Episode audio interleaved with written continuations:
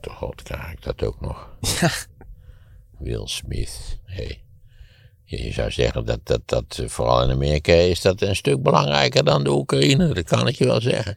Kunnen we die Will Smith niet naar de Oekraïne sturen? Of, of zou die niet een, een leuke introducee in het Kremlin, dat die Poetin dan een draai om zijn oren geeft? Zou dat niet zijn? Het verlossen, kunt u mij horen? Vind je deze podcast leuk? Vergeet je dan niet te abonneren. Druk op het plusje op Apple Podcast en volg ons op Spotify. Maar wat jij natuurlijk terecht aanstipt is de informatieoorlog. Je weet niet wat je moet geloven. Wat dat betreft worden de woorden van Zelensky ook wel eens eventjes eh, kritisch bekeken. Hè? Die sprak de Tweede Kamer toe. Ja, nou, wat moet ik zeggen? Dat hij heeft, eh, ik neem aan dat hij die dingen niet allemaal zelf schrijft. Want hij had natuurlijk zelf niet opgezocht dat op 1 april Alva zijn bril verloor. Wat, het was wel lollig dat hij daarna verwees. En En- Rotterdam noemde die, hè? het bombardement op Rotterdam. Ja. Dus eh, hij, hij had, eh, ze hadden er even op gestudeerd. Ze kijken eens even in het jaartallenboekje hoe het zit met de Nederlandse geschiedenis. Ik vond dat wel aardig. Een speech op maat. Eh, ook Churchill werd niet letterlijk, maar wel, wel naar de geest eh, uitgebreid geciteerd. Dat, eh, nee, en dan, hij, hij doet het leuk. Het is een, eh, of het ook allemaal waar is, hij, ook voor hem geldt. Hij zal zijn eigen positie zo vo- voordelig mogelijk voorstellen. Dat spreekt vanzelf. Ja. En het is natuurlijk ook, laten we niet vergeten, Oekraïne een corrupt land. Dus hij, Ja, het is een traditioneel, eh, ja, het vormt een onderdeel van Rusland. Dat is een door en door corrupt land. Waar natuurlijk in feite juist de corruptie zo ernstig is dat het ook een zeer ernstige hinderpaal is voor economische groei. Dat hoeft niet altijd het geval te zijn, zie China, maar is vaak wel het geval. En ja, verder is Rusland natuurlijk heel eenzijdig afhankelijk van de, van de export van grondstoffen. ja. En is bijvoorbeeld de groei van de industriële productiviteit in, in, in Rusland, ik geloof sinds 2015, is dat nul. Dat is echt, dat, het gaat helemaal niet goed met Rusland. Laten we dat als vreugdevolle boodschap altijd in ons hoofd houden. Het is een waardeloos klote land wat ook niet functioneert. Hm. Vind je dat Zelensky nu de rol van zijn leven speelt? Nou, dat is de tragiek natuurlijk van de voormalige acteur, dat wat hij ook doet, dat je altijd denkt dat hij acteert. Dat zei ze van Ronald Reagan ook altijd.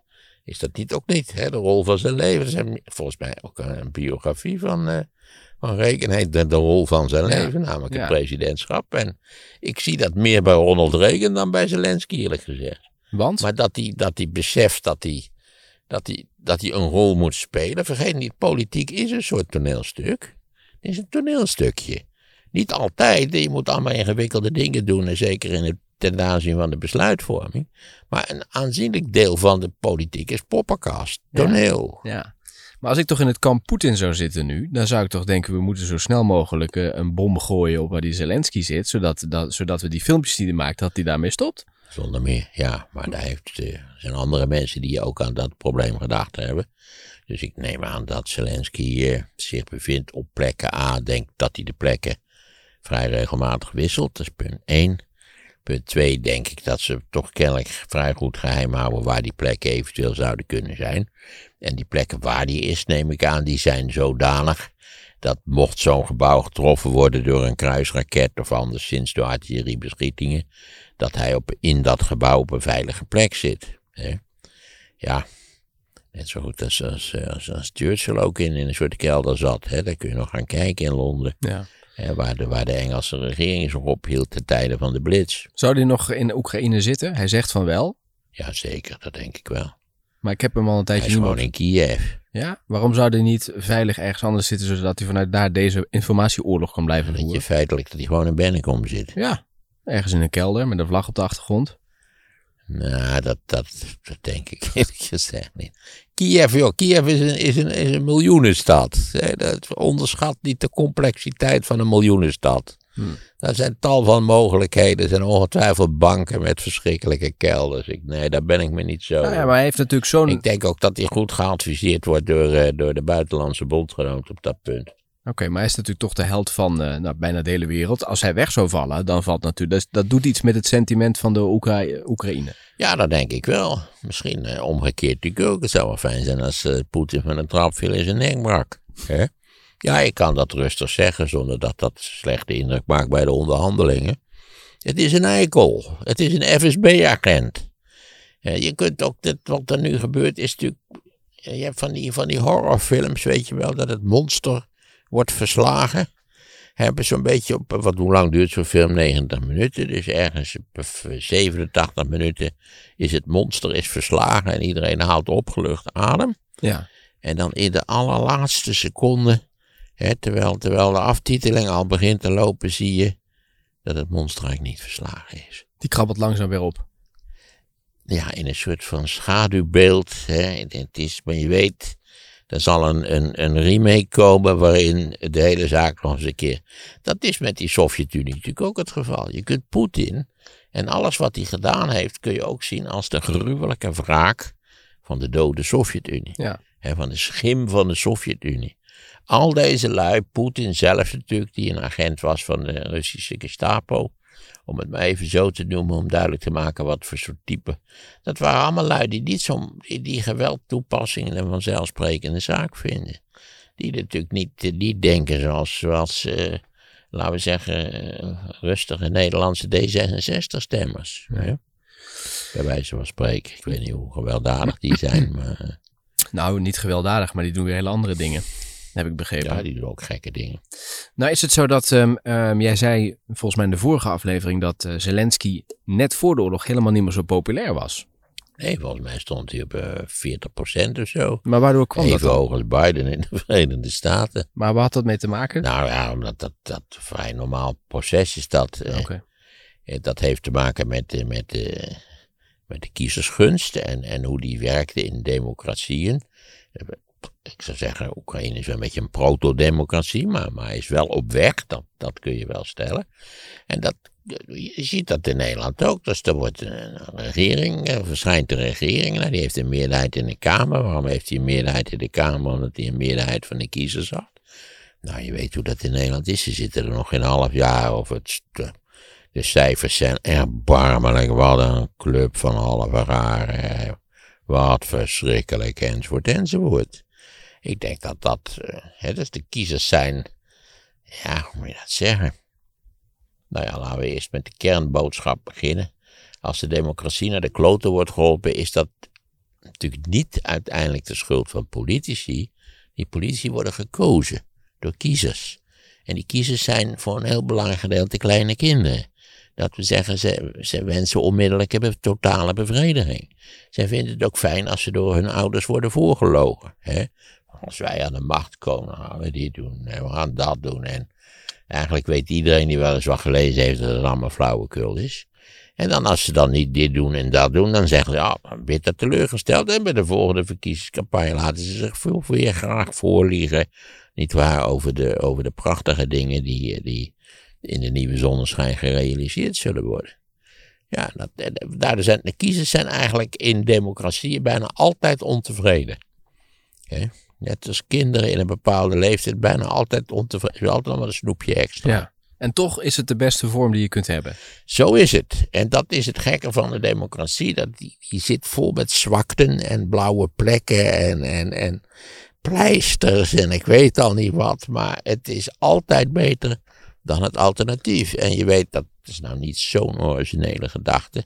Niet waar, eh, dat heeft, eh, hoe heet het ook, eh, Churchill ooit zo prachtig onder woorden gebracht. Democratie is een waardeloos politiek systeem. Maar alle andere systemen zijn nog veel en veel waardelozer. En daar hebben we ondertussen natuurlijk heel omvangrijke ervaring mee opgedaan.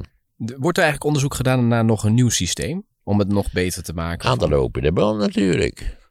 Er ligt nog een heel, heel eh, rapport Remkes over het feit dat we in Nederland toch weer beter. Nou ja, in Nederland is natuurlijk na de zogenaamde wederopbouwfase, laten we zeggen 45, eh, ja, begin jaren 60, eh, is een soort contestatiefase begonnen. Doordat mensen eh, meer verdienden, hogere opleiding hadden gehad. eh, We hadden plotseling een betrekkelijk luxueus leven. En toen was de thematiek, was, de Nederlandse democratie is eigenlijk geen echte democratie. Dat, dat moet beter kunnen. De democratie moet gedemocratiseerd worden. Nou ja, het idee daarachter was dat je dan, in de tijd dat dit, deze discussie speelde, dachten wij dat Engeland en de Verenigde Staten voorbeeldige democratieën zijn. Je ziet ook hoe dat in de loop der jaren grondig kan veranderen. Deze, twee, deze twee hulpeloos spartelende democratieën die er niet veel van terecht hebben gebracht in de afgelopen twintig jaar. Eh, dus we moesten die kant op. Een districtenstelsel, gekozen minister-president, referenda. Nou ja, al die dingen waar we nu al, nou ja, wat is het, 60 jaar over lullen. Godzijdank is het niet gerealiseerd. Want het zijn alle drie voorstellen die in feite de democratie, de parlementaire democratie zoals wij die kennen, aan zullen tasten. En niet democratischer zullen maken, maar in allerlei opzichten de mogelijkheid van ontsporingen zullen vergroten. Althans, naar mijn inzicht. Dus ik hoop ook dat het rapport Remkes gewoon onder in de bureaula blijft.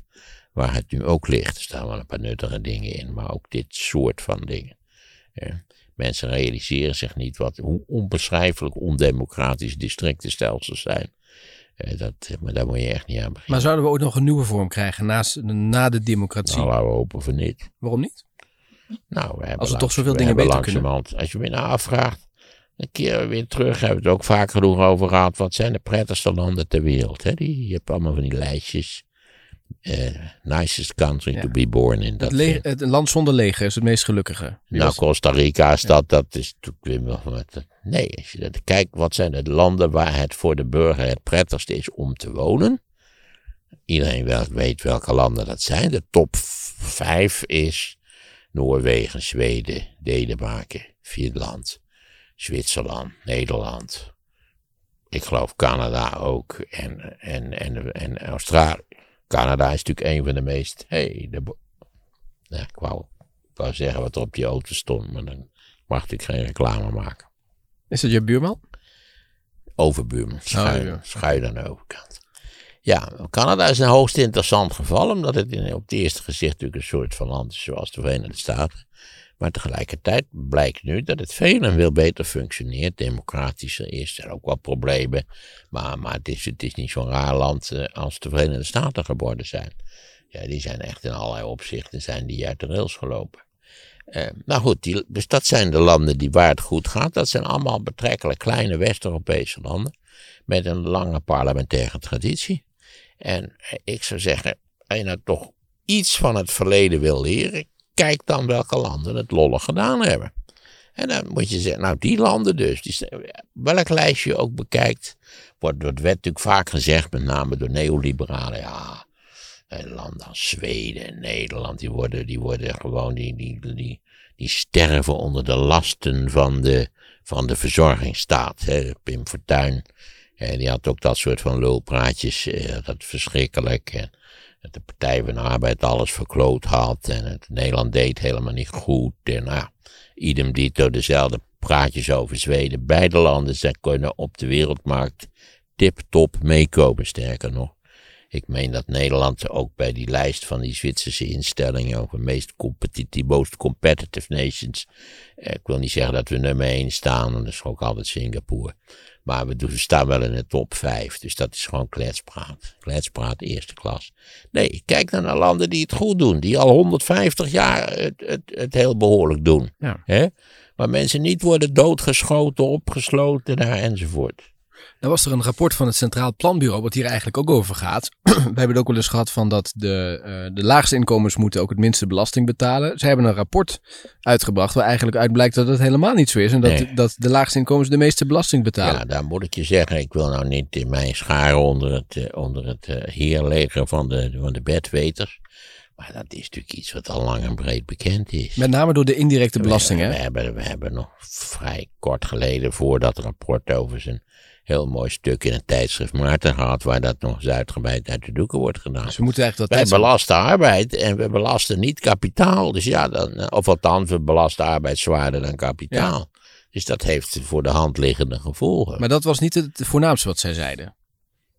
Wat was het voornaamste dan wat ze Nou, zij zeiden? zeggen dus, eh, als, je, als je kijkt naar het inkomen, hè, dan klopt het. SEC, hè, die betalen de minste belasting. Maar daar komt dan nog de hele ingewikkelde berekening. Maar daar komt dan nog eens een keer de accijnzen bij en de BTW. En dat is natuurlijk voor iedereen gelijk. Dus als je dan onder de streep het uitrekent. Nee, ook, ook dat is zonder meer een feit natuurlijk. Dat als, je de, als, je de, als de benzine een stuk duurder wordt, dan kan het mij eerlijk gezegd geen klap schelen. Dat heb ik alles gezegd. hè.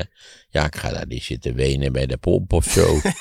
Of dat ik alleen nog maar 50 rijd op de grote weg. Dat, dat, dat is flauw. dat doe je toch al. Nou, ik, ben echt helemaal 0,0 hard rijden. Ik zet het ding op de cruise control op 100 en dat is het.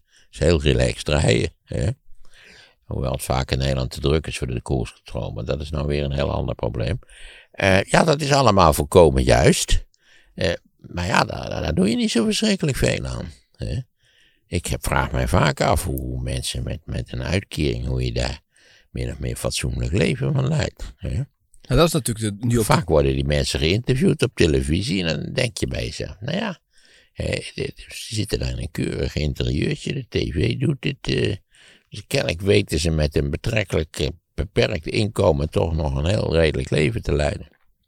Ja, omdat je natuurlijk daarmee leert leven. Maar wat natuurlijk lastig Ja, waarschijnlijk wel.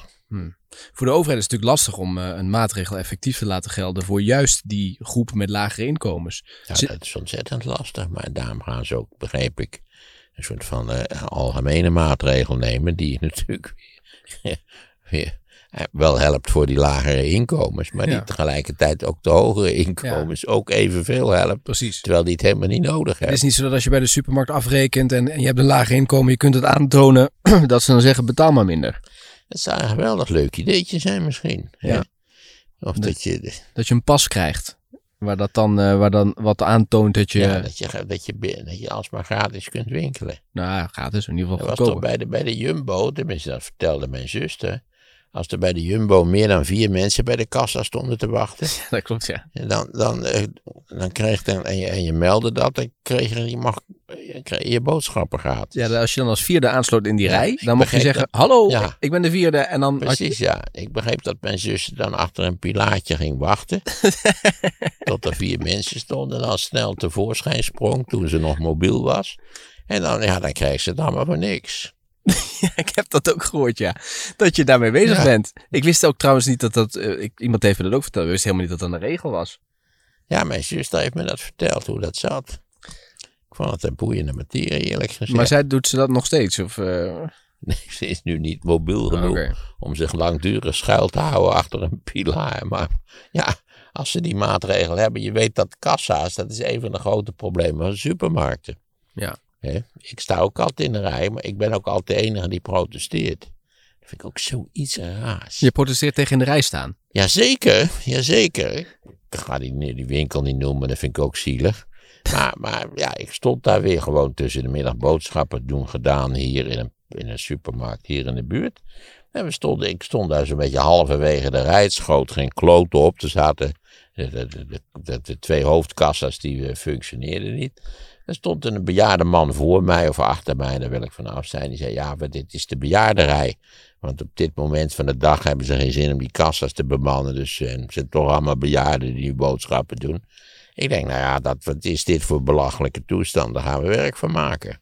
Dus ik heb daar stennis geschopt. Het interessante is dat die bejaarden in die rij als makkerschapen staan te wachten tot ze aan de beurt zijn. In plaats dat ze zeggen, nou de bejaardenrij? Wat is dat voor flauwekul? Dus ik heb daar eh, ruzie gemaakt. En het gekke is dat de wachtenden eigenlijk uitstralen.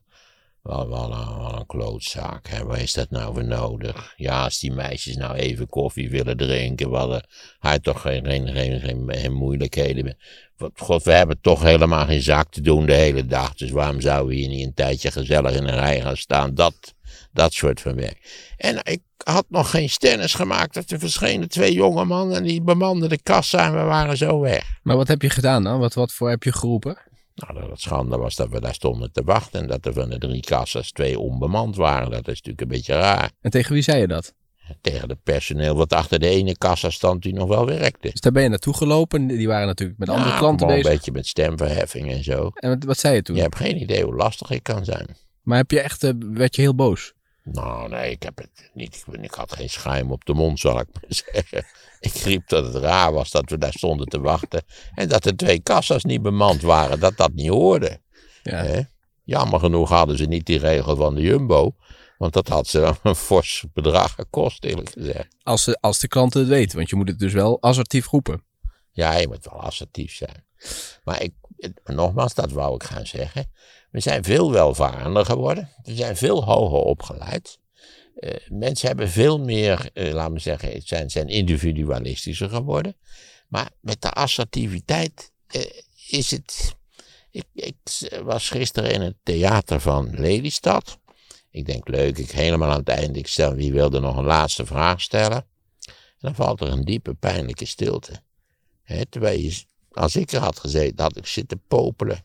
Hè, om, om die kletsmajor nog eens even een, een kritische vraag te stellen. Ja. Hadden wij toch tijdens de podcast, was dan nog zo'n meisje die aan het einde begon over, dat ging over de vrouwenemancipatie. En, eh, Ja, en die mij ook flink te voet dwars zette, dat ik er niks van begrepen had. ja, dat het hysterie, jij noemde het hysterisch volgens mij. Ja. En daar, daar sloeg zij op aan. Ja. Dat deed ze wel goed, Ja, dat, ze, geweldig. dat ze dat durfde. Ik, vind, ik, ik juich zulke mensen enorm toe. Hè. Verhef je stem. Ja. Laat van je horen. Ga niet eindeloos in de rij staan. Er zijn nog vijftiende wachtende voor u. Hè? ja, maar mensen Je bent vinden de dat... zeventiende in de wachtrij. Maar ik las ergens dat spreekangst, dat dat de, de, de, eh, de grootste angst van mensen ooit is. Er is nog grotere angst dan, dan Doodgaan. doodgaan. Ja, dat heb ik ook wel eens gelezen. Ja. Nou ja, daar, daar moet je een keer overheen zien te komen. Ja, daar heb jij geen last van. Nee, daar heb ik nooit last van gehad. Het is heel gek, maar ik heb er nooit last van gehad. Hoe Ik had er op school ook geen last van. Terwijl ik toen, ik, ik was wel een verlegen. Toen ik jong was, was ik wel behoorlijk verlegen. Ik ben nog verlegen, maar spreekangst heb ik nooit gehad. Denk je niet dat mensen in die supermarkt dachten, oh daar heb je Van Rossum, laten we maar eventjes eh, doen wat hij zegt. Want anders dan eh, roept hij dat eh, bij de slimste. Nee, dat was niet mijn indruk, eerlijk gezegd. Maar ja, dat weet je nooit. Nee. Hoe kunnen we die lage inkomens wel nog helpen? Want ja, daar moet natuurlijk toch iets, iets meer gebeuren. Nou, de lage inkomens, dat is natuurlijk een zaak die structureel moet worden aangepakt. Hmm. En de onderste 30% van de Nederlanders, eh, die, die is er natuurlijk, ja, die, die is er in de afgelopen 30, 40 jaar niet, niet bepaald op vooruit gegaan. Dat hebben we het al eens uitgebreid over gehad. De bovenste 30% daar hoef je geen centje meel mee te hebben. Die gaat het goed. Nederland is een, een zeer, zeer welvarend land. Eh, die 30% die in het midden zit, dat, dat gaat ook heel redelijk. Dat, dat, ja, de onderste 30%, daar zouden we veel meer aan moeten doen. Die zijn natuurlijk ook in het neoliberale walhalla, zijn die wel een beetje tekort gekomen, denk ik. Dat geldt ook voor, uitkeringen. Zorg dat die redelijk go- goed zijn. Zorg voor, voor een acceptabel minimumloon. En je kunt een hele reeks van maatregelen nemen. En, maar misschien komt dat ook wel door de zwakke positie van de vakbonden. Die, dat, er is weinig tegenwicht. En, en nou ja, zelfs onze minister-president heeft nog eens gezegd: de lonen moeten in Nederland omhoog. Maar ja, ze gaan niet omhoog. Dat Nee. is het hem. Zou ook, Althans, in die, in die sector niet. zou je ook nog kunnen helpen om die mensen misschien binnen hun eh, capabele kunsten naar een, ho nou, naar een hoger loon te helpen, naar een ander beroep? Ja, dat moet je proberen. Nou ja, op zichzelf hebben we natuurlijk ondertussen in een groot deel van de bevolking hebben we hoog opgeleid. Meer dan 30% van de bevolking is tertiair gevormd. Maar ja, dat zijn ook vaak van die vakken waar je ook niet zo verschrikkelijk veel aan hebt. Ja, ik, kom altijd weer uit op dat punt van de meneer van de cv-ketel. Meneer Van Rossum, eh, iedereen wil maar dokter anders worden. En monteurs voor de cv kan ik niet krijgen. Dat is wel een beetje Nederland de voeten uit, toch? Ja, die mensen meer betalen. Ja, dat zou ik ook zeggen. Betaal die cv-monteurs twee keer zoveel. Vuilnismannen waren toch op een gegeven moment ook eh, tekort. Hebben ze die toch meer salaris Ja, gegeven? kijk, nou, ja, marktwerk, ik doe dat. Ja. Hè? Ja. Eh, Dus die, die, die hele enorme laag van, laten we zeggen, technische beroepen die, die niet al te complex zijn, maar die essentieel zijn voor het functioneren van je samenleving. Misschien zou je die aanzienlijk beter moeten, moeten salarieren. Wat vond jij van de klap van Will Smith? Vragen mensen zich ook af. Grote god, krijg ik dat ook nog. Ja. Will Smith. Hey. Je zou zeggen dat, dat, dat eh, vooral in Amerika is dat een stuk belangrijker dan de Oekraïne. Dat kan ik je wel zeggen. Kunnen we die Will Smith niet naar de Oekraïne sturen? Of, of zou die niet een, een leuke introducee in het Kremlin, dat die Poetin dan een draai om zijn oren geeft? Zou dat niet zijn? Dat zou heel goed kunnen, denk ik. Ik denk dat Poetin er wel bang voor is. Kijk, die Will Smith is, is natuurlijk iemand die, die eh, veel in de aandacht staat. Eh, Mijn indruk was dus dat hij kennelijk fysiek, ik bedoel psychisch, niet helemaal functioneer, goed functioneerde. Dus, eh, en, en dat hij gespannen was, omdat hij natuurlijk al lang gehoord had dat hij ook zo'n Oscar had. Of misschien wel niet, of misschien wel wel, maar dat hij er dichtbij was. Eh, ja, en, en hij zat kennelijk met het probleem van die mevrouw die steeds kaler werd. En Zijn vrouw is dat? ja, zijn vrouw. En toen zei die Chris Rock zei wat hij zei. En toen besloot hij op te staan en wel een dreun te verkopen. Ja, eerst lachte hij nog hè, in het begin. Maar op een gegeven moment eh, ging het hem te ver. Toen stond hij op en toen gaf hij hem een klap. Ja, dus hij was kijk gespannen. Psychisch niet, hè. ja, dat kan gebeuren. Ja. Ik zou zeggen, ik, wat voor, nou, want ik, dat dat zoiets een wereldgebeurtenis wordt, dan zie je ook aan. Nou ja, je kunt veel slechts van Amerika zeggen, maar de soft power van Amerika die is nog steeds enorm. En dat zou iets totaal onbenulligs. Als die klap van die Will Smith eh, tijdens de Oscar-uitreikingen, die al lang niet meer zijn wat ze ooit waren, dat dat wereldnieuws wordt en, en niet een uurtje. Nee, nu al dagen doorzeikt op al die, op al die kletszenders. Dat is toch wel, wel diep droevig. Eh, Albert Verlinde was er heel blij mee dat het gebeurde. oh ja? Had je ook behoefte mensen een klap te geven? Nee, die zei er gebeurt eindelijk weer eens wat bij de Oscars. Joh, die Oscars moeten gewoon afgeschaft worden. Dat is al lang, dat weet iedereen. Dat ook heel weinig te maken heeft met de kwaliteit van de films. En, uh, natuurlijk willekeur troef is. En dat we altijd dat toneelstuk krijgen. Dat, dat film A heeft zeven nominaties. En dan, en dan komt de avond zelf en dan blijken ze alleen de enige prijs die ze winnen is voor het geluid op de wc-scènes. En je zou je ook de discussie kunnen voeren die Chris Rock, hè, die, die speelt natuurlijk in op die, uh, die vrouw, want daar zei hij ook wat over. Dat die dan, ja, er is er een grens aan, aan, aan wat je kunt zeggen. Uh, ook humoristisch gezien, want het was natuurlijk met een duidelijke komische inslag. Ja, wat zal ik daarvan zeggen? Ik lag er nou niet zo wakker van. Hè? Ja, god. Het is... Maar het kwetste hem, denk ik, Smith. Daarom haalde die zo uit. Nou, Smith was kennelijk in, niet, niet in goede doen, laat ik het zo. Okay. Dat kan. Je kan slecht gehumeurd zijn. Je kan al boos zijn over iets anders. Dat je niet kon parkeren. Ik noem maar wat op. Maar feit is dat wij er nu ook over zitten te praten. Ja, oké. Okay. Ik begrijp je wil snel door. Want je vindt het Nou, ik vind het niet een hoogtepunt van, van belangrijkheid. Nee. Dat, ik begrijp sowieso niet veel van dit, van dit deel van de westerse beschaving. Of dat nu Will Smith is, of die zoon van Haas is, of weet ik veel wat. Martien ja, Meiland ja, dat soort van dingen dat je denkt, ja, god allemachtig, kunnen we daar niet voor behoed worden? En dat is een van de nadelen van het internet, dat het een soort, dat het geen behoorlijke zeeffunctie heeft. Dat is echt de enige kracht nog van, van onze klassieke kranten, en met, met name kwaliteitskranten, dat je niet met dit soort van gelul geplaagd wordt. Nou, Kijk, je kunt, de, de, de Economist is vaak zwaar lezen, kan, zal ik maar zeggen. Eén ding is zeker, je weet zeker dat ze niet over Will Smith schrijven. nou, ik denk dat NRC de foto wel had. Ja, dat zal haast wel. Die, ook, die hebben ook zo'n rubriekje ongetwijfeld. Die heb ik snel doorgebladerd. Ja, oké. Okay. Het feit is dat hij geen goed voorbeeld geeft natuurlijk aan, aan ook de jeugd. En dat is wat veel mensen ook... Nee? Nou, door zo uit te halen. Maar denk je dat veel mensen, veel jongens thuis zeggen van... Zeg pa, heb je dat gezien? Die, die, die Will Smith heeft me er toch uitgehaald met die, met die andere, andere uh, jongen. En dat ga ik ook doen. Ik, ik, ik, ik, ik heb toch al jaren een bloedhekel aan de wiskundeleraar. Ik stap morgen uit mijn bank. Ik loop naar voren en ik zeg: Dit laat ik mij niet zeggen. En ik haal me toch uit, zeg. Nou. Ik denk dat als je het zou vragen aan ze, dat ze zeggen: Nee, dat is niet zo. Maar indirect speelt het misschien toch een rol. Ik geloof er niks van. Net zoals met Rutte en Wilders, die toen zeiden, doe, doe, doe zelf normaal. Daarvan zeiden ze ook, dat is ook niet het goede voorbeeld. Dat was ook gewoon een, gewoon zachtelijke treurigheid. Sowieso, dat stukje bozigheid wat, wat Wilders altijd acteert bij de algemene beschouwing. Wat ik altijd vrij komisch vind, moet ik zeggen. En toen, daar was al, al jaren is daar veel over te doen, dat, dat hij allemaal dingen zegt. Verruwd. Evidente kletskoek zijn en zo. En toen werd er nog een keurige mevrouw geïnterviewd.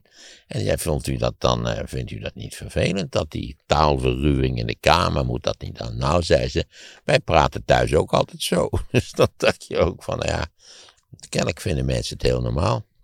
Oh ja, nog één vraag over Viktor uh, Orbán. Uh, want er komen in Hongarije verkiezingen aan. En mens, ja, mensen vragen zich af, gaat hij nou profiteren van al dat gebeuren in, uh, in Oekraïne en Rusland of, of juist niet?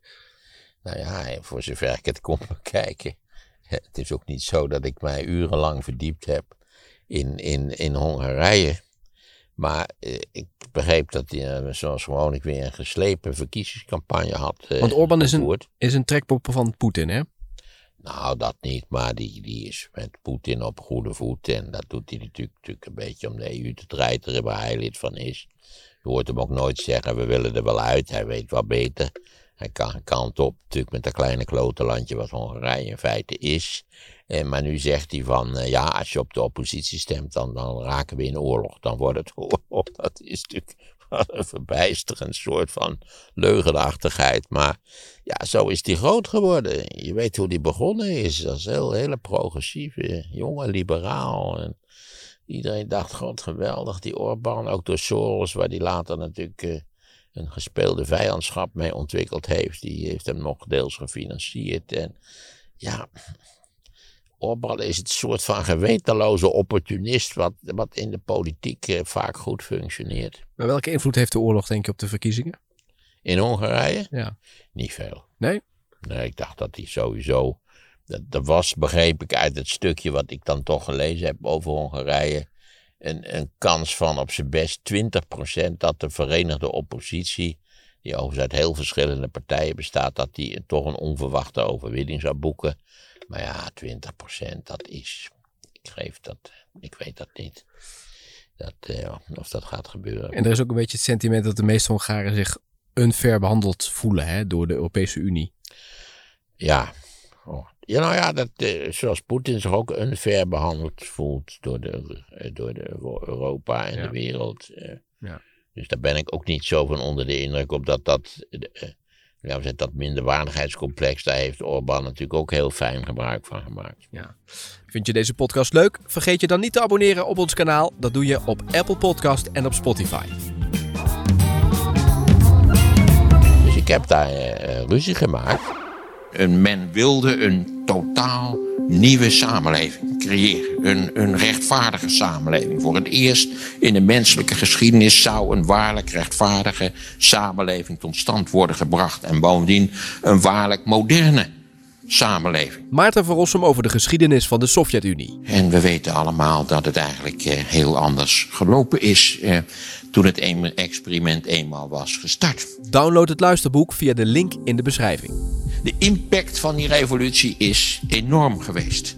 Misschien is het wel in allerlei opzichten de meest, ook tegelijkertijd de meest invloedrijke politieke gebeurtenis van de vorige eeuw geweest.